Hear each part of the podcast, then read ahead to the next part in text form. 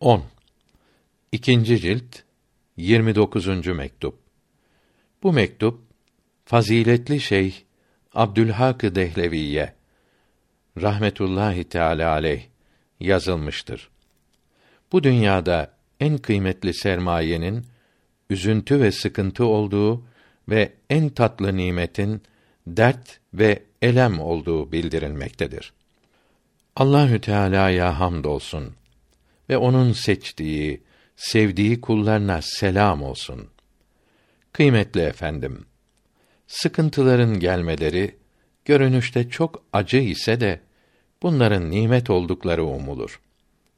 Bu dünyanın en kıymetli sermayesi üzüntüler ve sıkıntılardır. Bu dünya sofrasının en tatlı yemeği dert ve musibetlerdir. Bu tatlı nimetleri acı ilaçlarla kaplamışlar. Bununla imtihan yolunu açık tutmuşlardır. Saadetli, akıllı olanlar bunların içine yerleştirilmiş olan tatlıları görür. Üzerindeki acı örtüleri de tatlı gibi çiğnerler. Acılardan tat alırlar.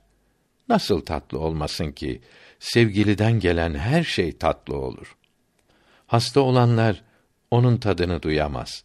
Kalbin hasta olması ondan başkasına gönül vermesidir. Saadet sahipleri sevgiliden gelen sıkıntılardan o kadar tat alırlar ki iyiliklerinde o tadı duyamazlar. Her ikisi de sevgiliden geldiği halde sıkıntılardan sevenin nefsi pay almaz. İyiliklerini ise nefs de istemektedir.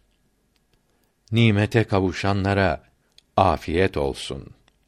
Ya Rabbi, bizi sıkıntıların sevaplarından mahrum eyleme. Bunlardan sonra bizi fitnelere düşürme.